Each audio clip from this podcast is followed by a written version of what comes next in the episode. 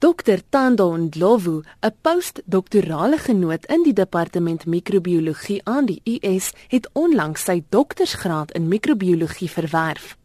Hy verduidelik wat sy navorsing presies behels het. I was working with the municipal wastewater where I obtained bacteria that produces antimicrobial compounds.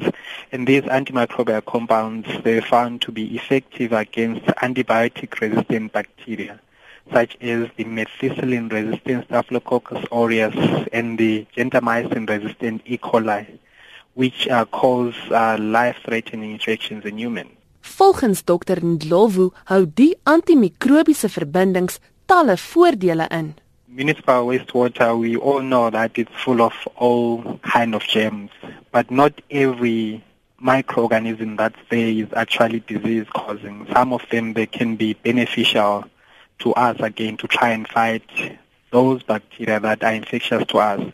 So by working with the municipal wastewater, we actually found that we can uh, obtain or use them as an alternative to current uh, synthetic antibiotics, such as we can add them in the detergents that we use in washing our clothes or in the soap bathing or washing our hands to try and minimize the spread of pathogens from human to human. That's the first step. And then from there, maybe later we can try and maybe come up with antibiotics.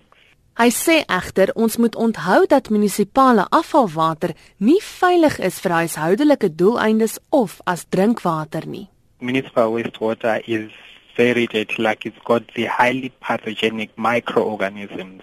So it's not anywhere near to being used by any person, especially for any domestic or household, any agricultural uses, unless it is treated but I to work with the untreated as well as the treated samples. So the untreated, I basically went there because I know there is a lot of organisms and I to only select for the ones that are not pathogenic, but it can't be used directly unless if only it is treated to a certain level where there is minimum number of bacteria or all the pathogenic bacteria have been eliminated. Dit was Dr Tando Ndlovu, 'n postdoktorale genoot in die departement microbiologie aan die Universiteit Stellenbosch. Ek is Dianke Nel vir SAK nuus.